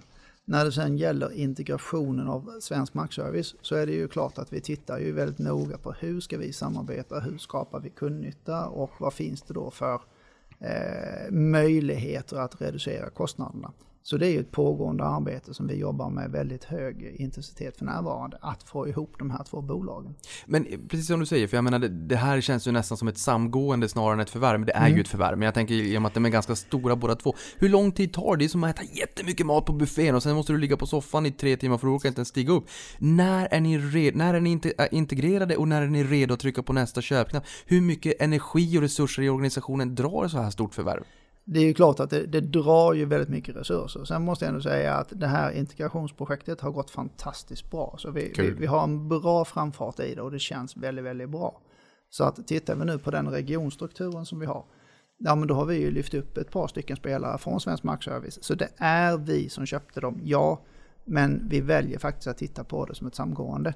Därmed inte sagt att vi inte kommer att göra det här i ett ganska högt tempo.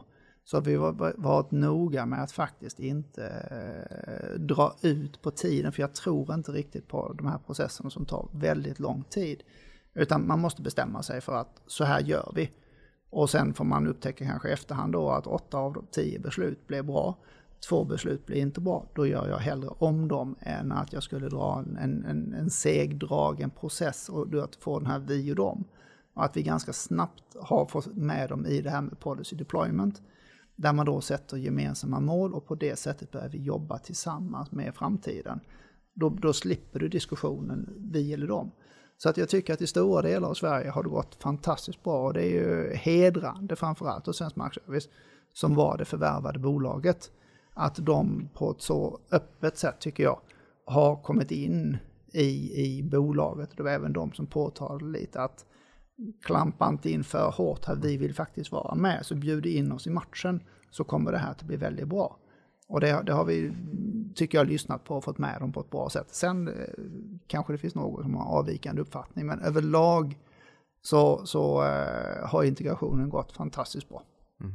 Ja, det där, är, det där är ju verkligen en konst. Bra jobbat. Ehm, vi sitter här och spelar in det här på Avanza. Hade vi gått ihop med Nordnet så, det- så det är två väldigt starka kulturer. Ja. Det hade varit lite utmanande. Till slut så hade vi hittat upp, liksom att vi alla börsnördar, många av oss i alla fall, så att vi hade hittat en väg framåt. Men, men man ska liksom inte underskatta och förringa att det är en konst i sig att, att eh, faktiskt gifta ihop två organisationer. Som, som du säger, man kan nästan filosofiskt se det som ett samgående även fast Ja, men, ni är så, köpare. men så är det, men man måste ha den attityden att klampar du in för mycket, när då förstör du massa värde i onödan. Det är betydligt mer kraftfullt att få med människorna. Och jag kan väl inte nog liksom betona vikten av att jobba då med policy deployment och de här verktygen. För då sätter vi gemensamma mål och vi ska ta oss dit. Då slipper du hela den här vi och dem-diskussionen, utan nu ska vi ta oss hit oavsett om det står Green eller Svensk Markservice eller Jackson på ryggen. Mm, exakt. Du, eh, någonting annat. Ni eh, kom in på eh, Small Cap då, Stockholmsbörsen i morse eh, från eh, First North. Ehm, och i det så justerar ni eh, era mål lite grann. Det vill säga att en tillväxt årligen på 10% och en mix av organisk och förvärvad tillväxt. Ehm, förut sa ni 5% organiskt och eh, 15% eh, förvärvat. Ehm, ska, är det här defensivt drag? Ska man se på det defensivt eller mer realistiskt? Nu är ni ju en mycket större spelare i, i volym. Ja, i princip så innebär det att vi har ju behållit vår målsättning. Det är bara det att ha ett dubbelt så stort företag. Så att det skiljer, vår ambition den är ju oförändrad. Och sen tyckte vi att dela upp omsättningen i 5% organiskt eller 5% via förvärv och så vidare. Det kan ju variera över åren, så för att slippa egentligen ta den diskussionen så bestämde vi för oss, nej vi, vi, vi särskiljer inte på de här utan vi tycker att 10% är en god tillväxt och det innebär att vi behåller egentligen målsättningen i princip oförändrad utan det är det att vi, vi, vi växte så pass mycket snabbare än vad vi hade kunnat förutse när vi gjorde noteringen för ett år sedan. Och då noterar den också som kommer ihåg lite grann att utsocknes utanför storstäderna så växer det 4,7% i snitt, 17 till 20, 67% i storstäderna. Så ni växer ju lite snabbare än marknaden, delvis också via förvärv då framåt, eh, kan jag ju såklart tänka mig. E- Ebitda-marginalen om 8%, förut sa ni ebitda före av och nedskrivningar. eh, Med 11% men här säger ni att ned, eh, avskrivningar av materiella tillgångar uppgår till 3% av omsättningen. Ja. Bara de som, jag, som lyssnarna här som antingen är aktieägare eller funderar på att bli, hur, hur ska man tolka det där? Ja, det är ju egentligen en oförändrad målsättning. Det är bara det att vi byter från ebitda till ebita. Så att det är ingen förändring. Utan det är de här 3 procenten du tar egentligen eh, den gamla målsättningen på ebita-nivå ebitda-nivå och räknar om den till ebita-nivå, då landar du där. Så att det är ingen förändring. Och för den som tänker rörelseresultatet här, eller ebitda då, eh, då, då behöver man inte, man justerar för hänsyn till eventuella förändringar i värdena på de bolagen ni förvärvar, utan ni ser bara hur rörelserna faktiskt presterar. Precis, så att vi vill ju gå, det är också ett led att när man då kommer lite mer från private equity-industrin, ja men då tittar man på ebitda-nivå och man tillåter sig ganska mycket non-recurring aktiviteter och så vidare. Vi vill ju komma så nära kassaflödet som möjligt för vi är ett företag med positivt kassaflöde. Så att vi vill ju, det är en process vi är inne i, att komma ner längre ner i resultaträkningen. Mm. Skuldsättningen är oförändrat, net debt ebitda, alltså eh, nettoskulden i förhållande till rörelseresultat före av och nedskrivna på 2,5 gång. Ja. Och sen utdelning då 40% av eh, resultatet helt enkelt. Mm. Eh, någonting annat jag tänker, är intäkterna förväntas stiga 86% i år, mycket på grund av förvärvet självfallet, och så 5% nästa år då eh, via, ja som sagt, förvärv. Ehm, och vinsten spås stiga 138% mellan 18 och 20 enligt tidningen Börsveckan. P talet går från 25 ner till 10,5 nästa år. Eh, du har pratat jättemycket om det här, men bara för att knyta ihop påsen lite grann. Vad är det som ska driva tillväxt och lönsamhet bortom de här nyliga förvärven om vi får blicka några år fram i tiden? Vi ser ju en fortsatt utveckling på företaget där, framförallt då i våra storstäder, men, men även i övriga Sverige. Så sen kommer vi tillbaks igen till det här att bli lite bättre hela tiden. Att vi vet vad vi håller på med. Vi har, vi har en strategi idag som har formats under de sista tre åren kan man säga. Som vi tror väldigt hårt på. Det innebär ju då att vi är en decentraliserad, det vill säga organisation. Som innebär att vi flyttar ut rätten att fatta beslut så nära kunden som möjligt. Vi premierar det entreprenöriella, det vill säga att du har det här lokala affärskapet. Du ser när du kan göra bra för kunden så att du får upp kundnyttan. Vi vill använda våra skalfördelar tack vare vår storlek. Och sen är det ju då det här med lean manufacturing som kommer tillbaks då att vi jobbar aktivt, det blir en del av vår kultur och då blir man lite bättre hela tiden. Kulturen att inte elda för krokarna. Det Ja. gillar jag. Eh, vi är några minuter över timman så att vi skyndar på de sista frågorna. Eh, och någonting som jag nämnde här tidigare också som jag lägger stor vikt vid det är ägarbilden i bolaget. Jag har noterat att du äger en corner i bolaget. Senaste siffran såg var 10,1%. Bra, snyggt jobbat. Hur ser ägarbilden ut i övrigt? Du sa 25% det, det ägs av, av ni inom bolaget. Japp. Eh, största ägaren? Största, största ägaren det är ju Mikael J. Ahlström. Eh, så att de kom ju in i juni månad om jag kommer ihåg rätt här. Så att eh, FSN som var vår gamla ägare, de behöll ju då 25% efter introduktionen. Och då kom byggmästaren Mikael J. Ahlström in och förhandlade egentligen med FSN om att lyfta över den delen. Och det innebär att eh, de då gick upp som etta, så de tog över 20 procentenheter av FSNs 25. Sen har vi då eh, Västindia, Staffan Salén eh, med familj. Och de var ju med i IPO och de ligger på dryga 19 procent om jag kommer ihåg rätt.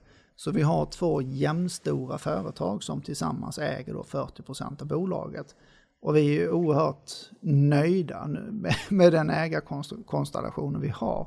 Och nu ska jag inte som vd uttala mig på det sättet om ägare, men vi har ett väldigt bra samarbete, vi har ett väldigt bra styrelsearbete. Eh, så att jag är faktiskt väldigt nöjd med, med hur det ser ut här. Och sen har vi ett par stycken institutionella ägare som då ligger på 3, 4, 5 procent. Det låter trevligt. Och nej, jag ska inte tvinga dig att varken eh, recensera eller kommentera varken styrelse eller, eller ägarna, men du är ju en stor ägare själv också. Eh, och någonting, jag menar, som, som eh, man kanske funderar lite grann kring pilotskolan gillar jag. Eh, livet, tiden är den absolut viktigaste valutan här. Eh, många hoppas väl kanske då att vi får se dig på vd-posten under lång tid framöver. Eh, jaha, äh, blir så fallet. Eh, Jag hoppas inte att du har någon successionstanke utan eh, att du faktiskt driver det här bolaget vidare under lång tid framöver. Jag har väldigt trevligt i det jag gör och eh, faktiskt väldigt kul. Så att det är fantastiskt roligt att jobba i ett företag där man har fått den här kulturen på plats. Eh, och jag kommer gärna tillbaks till styrelsen och styrelsens arbete. Eh, där vi har ett väldigt, eh, Per Sjöstrand som då var styrelseordförande tillsammans med Staffan Dahlbo från Byggmästaren och eh, eh, Salén då. Vi har ett bra samarbete i styrelsen. Och det är värt väldigt mycket för en vd att känna att ja, men jag kan ha en öppen dialog med styrelsen. Sen vet jag att de har ju ägarstrategier och det är fullständigt naturligt. Men att du ändå kan ha en, en bra dialog med styrelsen, man kan kommunicera på ett rakt sätt. Det funkar väldigt bra i, i den här konstellationen och det gör ju mitt jobb som vd för bolaget betydligt lättare när jag har en styrelse som vi kan ha rak och ärlig kommunikation med och sen fortplanta en rak och ärlig kommunikation ner i bolaget. Ma- Man behöver inte tassa omkring och det dränerar en massa energi utan det är raka puckar och det skapar värde. Exakt, för risken är att du har en styrelse där det då blir lite mer politiskt spel. Ja. men då måste man lägga ner tid och energi på de här bitarna. Jag upplever inte att vi har det idag, utan vi har en bra styrelse eh, och samarbetet funkar väldigt bra. För den som är lite nyfiken på att investera i Green Landscaping då, vilka är de viktigaste, det viktigaste, viktigaste eller de viktigaste nyckeltalen att hålla koll på? Antingen i liksom börs och finansiella eller kanske rent mjuka. Men vad känner du, vad, är vikt, vad tittar du helst på för att se att ni är på väg åt eh, rätt håll? Jag tittar ju givetvis på den organiska tillväxten eftersom jag, är- jag är väldigt trygg med på det sättet vi leder bolaget när det gäller att ska, helt enkelt skapa värde. Så att tillväxten är ju en väldigt viktig faktor som, som jag tittar på och det är klart att förvärven är ju en krydda. Så att eh, förvärvsdelen och att vi fortsätter med den organiska utvecklingen. Och sen har vi en väldigt stor trygghet att vi är ett icke-cykliskt företag. Vi har en väldigt stabil intjäningsmodell. Så att eh, jag ska inte säga att jag önskar en lågkonjunktur, det vore väl att ta i, men jag, har prislappar? jag har jobbat i företag som är klart mer cykliska. Och det är klart att när man ser att konjunkturen viker och du kanske tappar 20-30% av din omsättning under helåret. Det innebär i praktiken att du under halvårsperioder kanske ligger på 50% av din tidigare omsättning. Det är en jättejobbig resa du måste göra med de här företagen. Vi har en mycket mer stabil intjäningsmodell. Och det är, det är klart att man kanske inte riktigt får betalt för det när det är högkonjunktur. Men när lågkonjunkturen kommer så kommer man ju att se att vi kommer med mycket stor sannolikhet tuffare att gå som tidigare. Medan vissa av de andra bolagen kommer att ha mycket mer utmanande situationer att befinna sig i. Går ni då starkt ur en lågkonjunktur? Jag, jag tänker med tanke på att prislapparna kanske faller om det är så att ni vill eh, förvärva andra spelare som är lite mindre, har lite sämre finansiella muskler. Samtidigt som kassaflödet borgar för att... Ja, fast även de företagen vi förvärvar lever ju i samma bransch, vilket innebär att de lider ju inte heller av en lågkonjunktur på det sättet. Så det är klart att de som är knutna till bygg, men vi är ju inte i närheten av byggmarknaden, så vi är inte påverkade av den biten. Så att skulle det svikta i industrikonjunkturen eller att det skulle svikta i byggdelen, så det påverkar inte oss i någon större omfattning, vare sig positivt eller negativt. Så risk-off spelar egentligen ingen roll i, i branschen i stort, därför att Nej. de känner till sitt värde och sina... Ja, det, det blir inte billigare. Det blir inte billigare, typiskt. Eh, eh, tre snabba till bara. Vilka är de vanligaste frågorna från analytikerkåren? Jag brukar ju ha min CFO med mig som, som tar de frågorna när de kommer ner på den nivån. Så att det är ju givetvis frågor kring kassaflöde, skuldsättning och de här bitarna. Och det är klart att vi har ju en ansträngd balansräkning i och med att vi gjorde, eh, när vi gjorde förvärvet av Svensk Markservice så finansierade vi det till stor del via lån. Och det innebär ju att nu bevakar vi ju väldigt noga vårt kassaflöde och ser till att vi kommer till att kunna amortera ner den skulden så att eh, den blir på en mer anständig nivå. För nu är den onödigt ansträngd. Ja, där kan vi också tipsa om att Carl Fredrik Meijer, då CFO hos er, har varit med på en börsdag här i fjol. Och det finns på YouTube så det är egentligen bara att, ehm, att leta upp den eh, där de berättar om bolaget och där jag modererar lite frågor och sådär också så får man en liten känsla för jag tror att den frågan även kom upp i det formatet då. Eh, vilka risker håller dig vaken om natten? Eh, det är väl egentligen operativ. Nu har vi 16 operativa enheter så det är en blandning mellan vad vi kallar för riktiga dotterbolag och falska dotterbolag. Men det är ju ekonomiska enheter i företaget. Och det är ju klart att vissa av enheterna går fantastiskt bra och där ser vi att nej, men vi har en bra framdrift. Vi, vi, vi driver på det sättet vi vill. Och sen har jag enheter som har en mer utmanande situation där vi då har en, eh, när vi tittar på till exempelvis eh, medarbetarindex, en väldigt viktig indikator hos oss. Och då ser vi att de flesta enheterna, där är vi inne i en positiv trend, även om vi inte har nått hela vägen fram så ser det faktiskt väldigt bra ut. Men sen har jag några enheter som fortfarande eh, har utmaningar kvar helt enkelt, där vi inte har nått hela vägen ut och lyckas vända och motivera företaget och medarbetarna. Mm. Och det där uppviglar du ju till den sista frågan då. Det är att när de bekymren kanske är förbi och alla verkligen är med på samma båt. Vart befinner ni er då om fem år? Den här klassiska enkla frågan. Ja, det är ju nästan omöjligt att svara på. Eh, Men, men i grunden så är vi ju inne på en resa som är driven av organisk tillväxt vi, vi, vi, vi har en fantastisk möjlighet att fortsätta konsolidera branschen både i Sverige och utomlands. Och om fem år så är det ju klart att då är vi ju definitivt eh, ett internationellt bolag. Och att vi fortsätter framför allt på den här resan vi är inne på när det gäller policy deployment och Danaher Business System och, och den biten. Så att vi verkligen får den här kulturen i företaget. Och det var ju det vi pratade om tidigare, att det blir en konkurrensfördel när du driver ett företag som har den typen av kultur i sig. Så att det är väl egentligen min dröm att få ett företag där vi har blivit betydligt starkare. Vi är bra på det här, men vi kan bli väldigt mycket bättre och vi behöver mer tid för vi, vi blir lite bättre hela tiden. Så du har den här företagskulturen, det blir en del av vårt sätt att vara. Så det är absolut min vision av bolaget. Det låter väldigt spännande och om fem år, om det är så att ni har en lite mera internationell närvaro, om man kan säga så, när vi går utanför Sveriges gränser till våra mm. grannländer i Norden, då har du också skäl att ringa till far din och uh, prata om det här med valutan. Absolut, då kommer den in, då kommer den tillbaks. Då kommer den tillbaks som ett brev på posten. Ja. Eh, och en gång där det allt började och liksom den entreprenöriella odran ni har i familjen. Jag vill också bara säga att eh, aktien är upp 0,87 i talande stund, så ni har ju fått en fin start också på, på det här listbytet idag när ni faktiskt går över nu till Stockholmsbörsen. Och sen Johan vill jag bara säga tusen tack för att du kom till podden. Det var otroligt roligt att lära sig mer om green landscaping och ytterligare en nisch på börsen. Det finns många sådana. Stort tack, fantastiskt roligt att få vara med. Och tack för att du lyssnade på det här. Money,